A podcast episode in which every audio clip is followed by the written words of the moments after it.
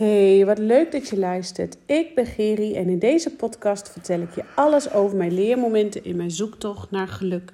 Vertel ik je over mijn fuck-ups als ondernemer, moeder en vrouw en deel ik je mijn momenten en inzichten op het gebied van persoonlijke ontwikkeling en spiritualiteit, zodat jij je ook gaat ontwikkelen tot de vrouw die jij wilt zijn. 17 jaar lang heeft mijn leven in de teken gestaan van anorexia en bulimia. En was het gewoon pikken donker in mijn leven. Totdat ik besloot om verantwoordelijkheid te nemen voor mijn shit en mijn struggles. En deze struggles komen bij tijd en wijle allemaal tegen. En met deze podcast wil ik de schaamte eraf halen en jou inspireren om ieder moment weer opnieuw te kiezen. Want ieder moment is een nieuw moment. So rise up, jij krachtige, prachtige vrouw. En allereerst dank ik je weer voor het luisteren. En mocht je wat horen op de achtergrond. Um, dus ze zijn buiten lekker aan het uh, zagen of iets. Nou ja, ik laat me daar niet van weerhouden. Hè, soms dan heb ik wel dat de hond zelf snurkt op de achtergrond. Uh, nu is het een, uh, een, bij de buren iets dat ze lekker aan het klussen zijn. Helemaal prima. Weet je, het gaat om de inhoud van de podcast. En ik hoop dat jij dan nu weer opnieuw alle waarde voor jezelf eruit haalt, die je eruit haalt. Want ik geloof er heilig in dat iedere podcast zo met waarde vol zit. En dat jij op dat moment dat hoort wat je mag horen en ontvangen wat je mag ontvangen voor jezelf om inzichten te verkrijgen. En vandaag wil ik het met je hebben over het innerlijk kind.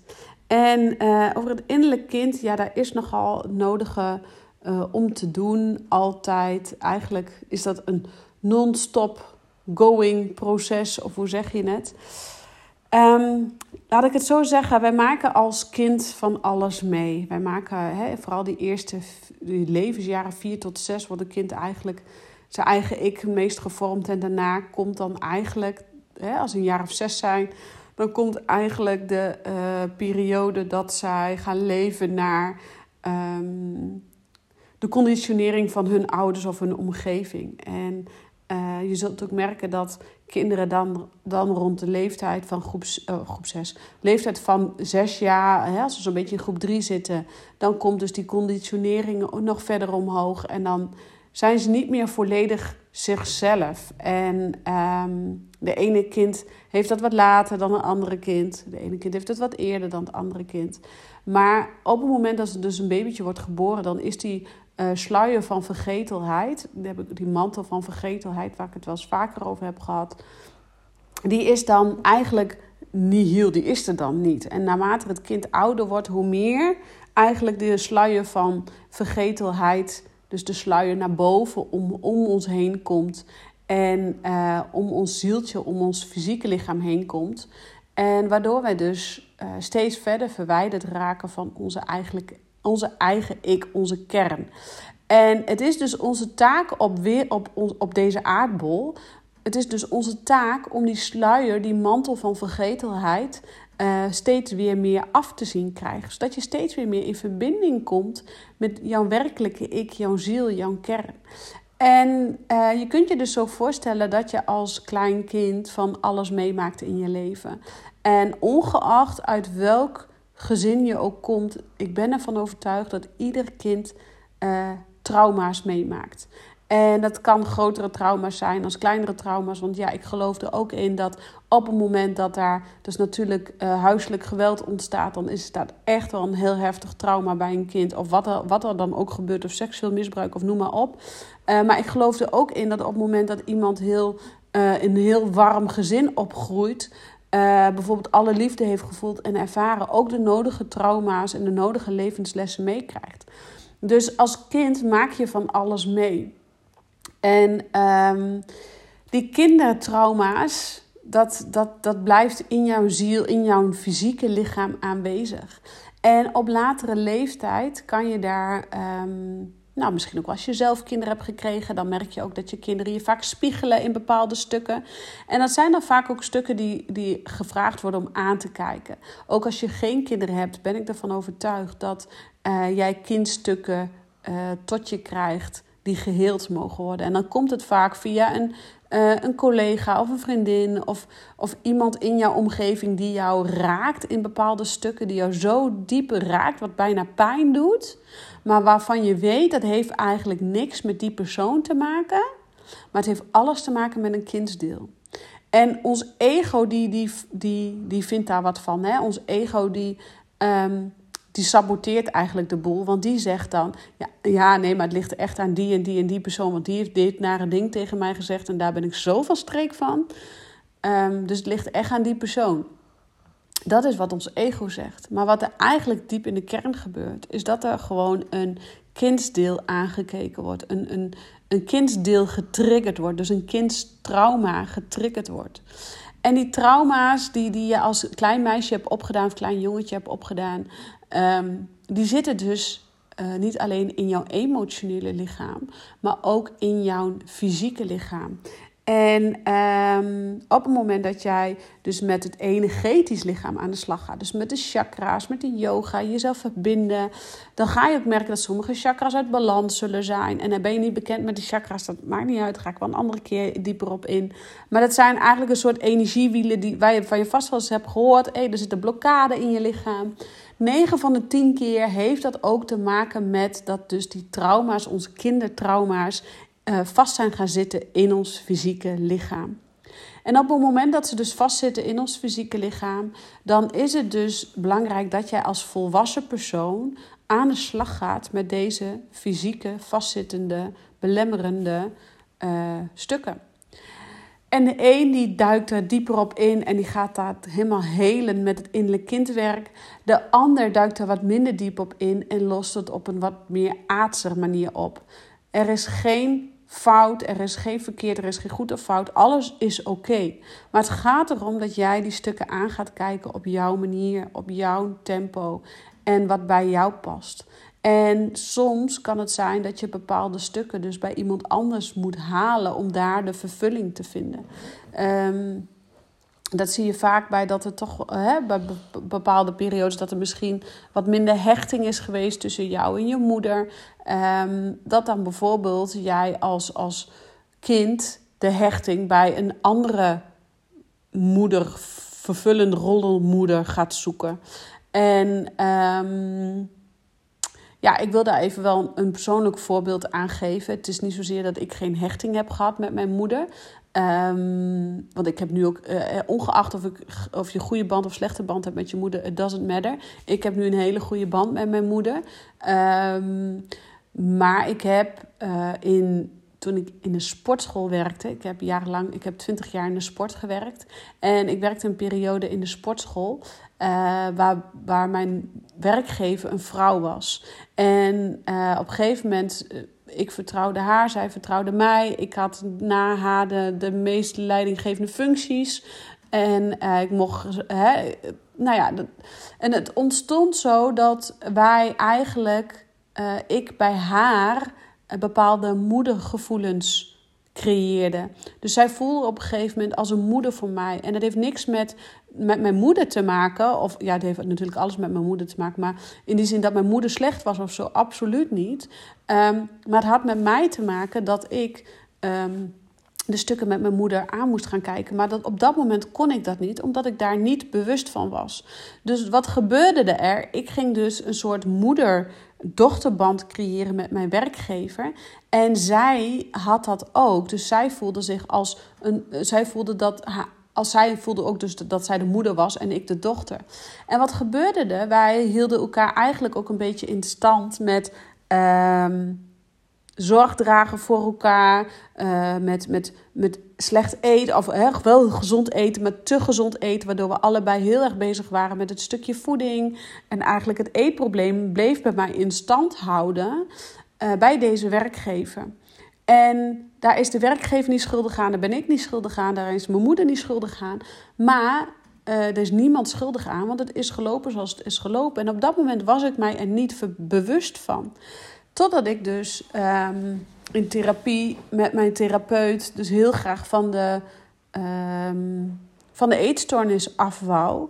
En wij daar eigenlijk concludeerden dat uh, mijn werkgever en ik in zo'n bepaalde symbiosis waren gekomen. Dat dus we eigenlijk in een soort moeder-dochterrolverbinding waren gekomen. Dus ik had waarschijnlijk met haar dus iets uit te zoeken. Wat ik op dat moment niet met mijn moeder direct kon. Ik was me daar ook niet van bewust. En dat is oké. Maar later, toen ik dus daar ontslag nam, toen moesten we echt we hebben echt best wel op een heftige manier uh, afscheid genomen. Nu hebben we een hele goede band. Ik kan haar zo bellen en uh, hele leuke vrouw. maar op dat moment dat wij dus dat ik dus ontslag nam of een andere baan ging zoeken, omdat ik voelde ik moet daar weg, omdat zij een moeder voor mij is geworden in plaats van dat ik de shit uit ga werken met mijn eigen moeder. Um, dus ik ben daar weggegaan en um, dat was best wel heftig qua uh, ontbinding. Maar dat was nodig, want daarna kon ik met mijn moeder bepaalde stukken aan. En kon ik bepaalde stukken uitwerken, non-verbaal. Soms gebeuren dingen ook al non-verbaal. Het is echt niet zo dat ik dan uh, de traumastukken van het innerlijk kind moet oplossen door uh, het, het, het met haar te bespreken van oh je hebt me toen pijn gedaan, bla bla bla. Nee, dat hoeft helemaal niet. Want ik ben ervan overtuigd dat Iedere ouder doet het naar eer en geweten. Uh, wij doen het ook naar eer en geweten. Ik doe het ook naar eer en geweten. Ik heb twee meiden. Ik weet zeker dat ze, als ze straks uh, jong volwassen zijn, dat er geheidstukken naar me toe gegooid zullen worden. Van nou, mam, dit heb je niet goed gedaan. Of dat heb je niet goed gedaan. Ja, dat is ook weer iets wat ik met mijn kinderen mag uitwerken. En dat is ook het leven. Dat zijn de processen van het leven. En um, ik had dus uh, van de week een uh, hypnosesessie. En uh, tijdens de hypnosesessie was dus ook een stukje over het innerlijk kind. En deze dame lag bij mij op de bank. En uh, ja, haar innerlijke kind kwam er in één keer zo opgepopt aan rennen, aan huilen.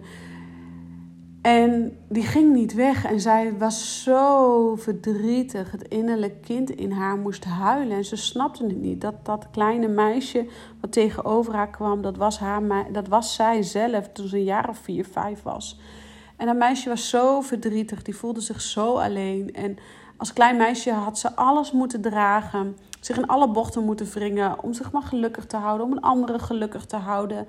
Dus er was een, er was standje overleven. En dit standje overleven, daar stond ze nog in. Nog op de dag van vandaag stond deze dame dus uh, in standje overleven. Veel geven en, en in plaats van durven te ontvangen.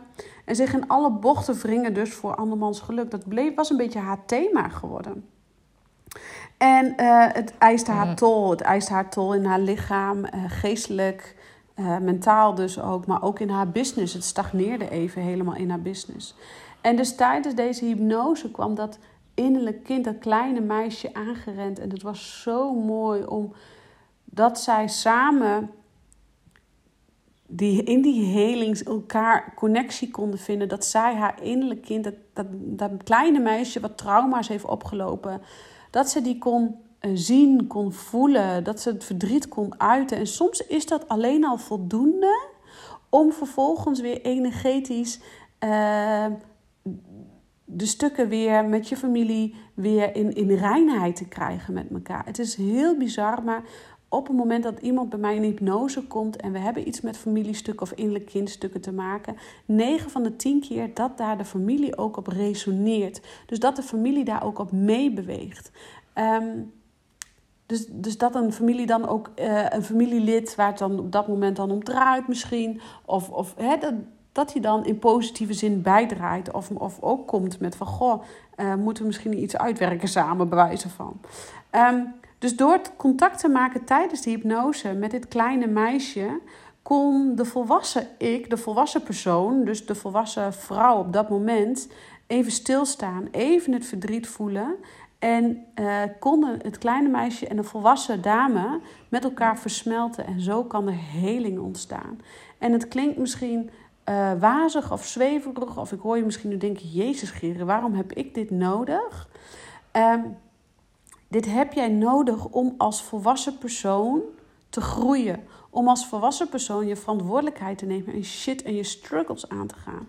Om als volwassen persoon met je beide benen op de grond te staan, te zien en te weten dat bepaalde processen in het leven erbij horen om te ontwikkelen. En nogmaals, de een diept het verder uit dan de ander. Bij de een zijn ze hardnekkiger dan bij de ander. Het is oké, het maakt niet uit. Alles is goed. Maar ik ben ervan overtuigd, op het moment dat jij persoonlijk durft te ontwikkelen en gaat groeien dan groeit alles met jou mee. Dat, wat ik zeg, dan groeit je business met je mee, dan groeit jouw uh, familie, die resoneert daarop mee. Jouw partner gaat daarin meegroeien. Maar je moet wel durven te groeien. En je kunt er ook voor kiezen om de rest van je leven de kop in het zand te steken. Dat is prima. Maar dan is de kans groot dat er altijd wel weer iemand naar je toe komt die uh, misschien een bepaald kindsdeel bij je triggert, waardoor jij mega flipt of emotioneel of boos wordt. Um, terwijl dat je eigenlijk weet, hè, de pijlen vuurt naar een ander, maar terwijl dat je eigenlijk weet dat het misschien iets te maken kan hebben met uh, jouw eigen jeugd of je eigen verdriet of je innerlijk verdriet. Ja, het mooie is, ik kreeg dus van deze dame een paar dagen later een berichtje. En uh, ze zegt, oh Gerry, je raadt het nooit. Ik heb veel meer energie, full focus op mijn bedrijf. En zonder moeite en hard werken heeft ze gewoon in twee weken tijd gewoon een omzet gedraaid. Wat zij gewoon normaal gesproken in een maand tijd doet. Dus ja, dan uh, zeg ik even no to myself. Yes, denk ik dan. Denk ik, wauw, dan ben ik echt trots op, zo trots op haar. Uh, maar zo trots ook op mezelf dat ik dit werk mag doen. Dat ik ja, met, met hypnose jou mag helpen voorbij te gaan aan, aan dat stuk wat in je kopje rondspookt. En uh, de verbinding te voelen met, met wie je werkelijk bent. Die sluier van vergetelheid uh, te ontdoen. Zodat jij steeds meer laagje voor laagje dichter en dichter tot jouzelf komt. Dichter en dichter tot die krachtige, prachtige vrouw die je bent. Want je bent het zo waard om vanuit je innerlijke kern, vanuit je innerlijke kracht in het leven te staan en te gaan stralen. En geloof mij, ik voel het ook af en toe wel eens niet. Bij tijd en wijle denk ik ook van, gadverdamme, gaan we weer. Ja, dan gaan we weer. Dan maken we even weer een, een diep uh, error, uh, trial en error moment. Vallen en opstaan. Maar oh, je weet gewoon, je staat wel weer op. Je staat misschien nog wel sterker op dan dat je jezelf denkt. En het is gewoon tijd de maatschappij geeft er ook gewoon de ruimte voor om, om persoonlijk te ontwikkelen. Want het is niet voor niets dat burn-out uh, stuk, hè, dat burn-out gewoon een officiële ziekte is geworden, om zo maar even te zeggen. Dat je daar officieel gewoon ook. Um, dat zegt genoeg over het feit dat er genoeg mensen met burn-out klachten zijn. En dat is ook een teken, want op het moment dat jij burn-out klachten ervaart, of een burn-out hebt gehad, of misschien weet ik veel wat je hebt ervaren, waardoor je nu vastloopt in het leven dat heeft 9 van de 10 keer ook te maken met dit soort innerlijke kindstukken. Met een stukje persoonlijke ontwikkeling. En met dus ervoor te zorgen, want het is jouw taak hier op aarde om die sluier van vergetelheid, die mantel van vergetelheid af te doen. En die doe je niet in één keer af. Daar doen we ons hele leven over. Want als die af is, ja, dan geloof ik, dan heb je hemel op aarde en dan mogen wij uh, weer terugkeren naar de hemel of het universum of waar je dan ook heen gaat. Dus nogmaals, ik zeg niet dat je het moet doen, maar het is zo verrijkend om bepaalde uh, kinderlijke processen aan te kijken, kindsdelen van je aan te kijken. Je leert ervan. Um, je komt dichter tot jezelf. Je gaat meer in je kracht staan. Je leert gewoon echt nog meer jouw potentieel te benutten. Want um, ik geloof er echt in dat op het moment dat jij in je kracht durft te gaan staan en daar ook in durft te blijven staan, dan um, gaat er een wereld voor je open. En dan kan iedereen zijn of haar droomleven bereiken wat zij of hij, zij of hij graag verlangt. Wow, deze kwam er ook even echt uit met heel veel kracht en energie. En um, ja, geloof mij, ik heb bij tijd en wijle ook dat ik mijn kindsdelen even aan mag kijken. En het is oké. Ik doe dat ook niet alleen. En het is ook niet raadzaam om dat alleen te doen. Dus um, mocht je daar hulp bij nodig zijn, mocht je daar wat voor voelen of nou, een kijkje willen nemen. Als het zich aandient, weet dan ook dat, dat het universum daar altijd in meewerkt. En um, ja, laat mij vooral even weten of je bepaalde stukken al hebt aangekeken. Ik ben gewoon heel nieuwsgierig wanneer je deze podcast luistert. Of je al bepaalde stukken hebt ontdekt. En wat je hebt ontdekt. En um, nou, neem me mee in jouw verhaal. Ik bedank je weer voor het luisteren. Ik wens je een hele fijne dag, middag of avond. En ik zeg ciao voor nu.